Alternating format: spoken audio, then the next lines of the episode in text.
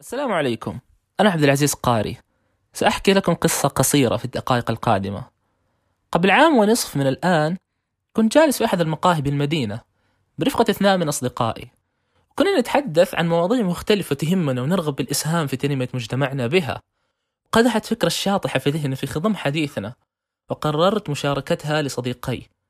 اهتم أحدهما بها وأخبرته أن نفعلها عملا بقناعة تبنيتها شخصيا وهي أن الأفكار الشاطحة غالبا تكون ناجحة. ووافق على عرضي. وتصافحت يدانا في تلك اللحظة معلنة عن شراكة بيننا في مشروع نجهل ماهيته تحديدا. وبعد شهر من التفكير وبينما نحن في مقهى مجددا تبادر إلى ذهني أن نقتحم عالم صناعة المحتوى. المحتوى الصوتي تحديدا. لأننا شغوفين به ومستهلكين نهيمين له. وكانت النتيجة هي ما تستمعون له الآن. بودكاست خلطة.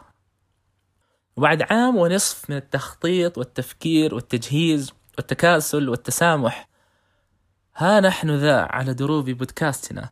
في مشروع ننوي أن نقدم فيه ما نهتم به ونتلقاه بكل ما أوتينا من شغف وأن نصنع محتوى يشبهنا ونتشاركه مع من يشبهونا للبقاء على قيد التواصل. سنخلط في خلطة فواكه حياتنا وأفكارنا وتجاربنا أنا وشريكي في هذا المشروع الصديق هود محمد وسنحصرها في آذانكم المصغية إلينا.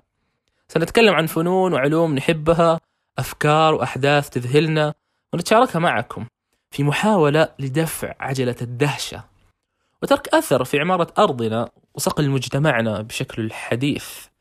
ترقب بداية مسيرتنا التي نجهل أين نهايتها ولكن حتما هذه هي بدايتها. نلقاكم في نهاية شهر يناير بإذن الله للحديث عن آلية محتوانا وكيفية تقديمه لكم. واطمئنوا ما راح أهرج بالفصحى دائما إنه على حسب سياق المحتوى. هذا بودكاست خلطة المقدم بكل شغف من عمق المدينة المنورة. دمتم بسعادة.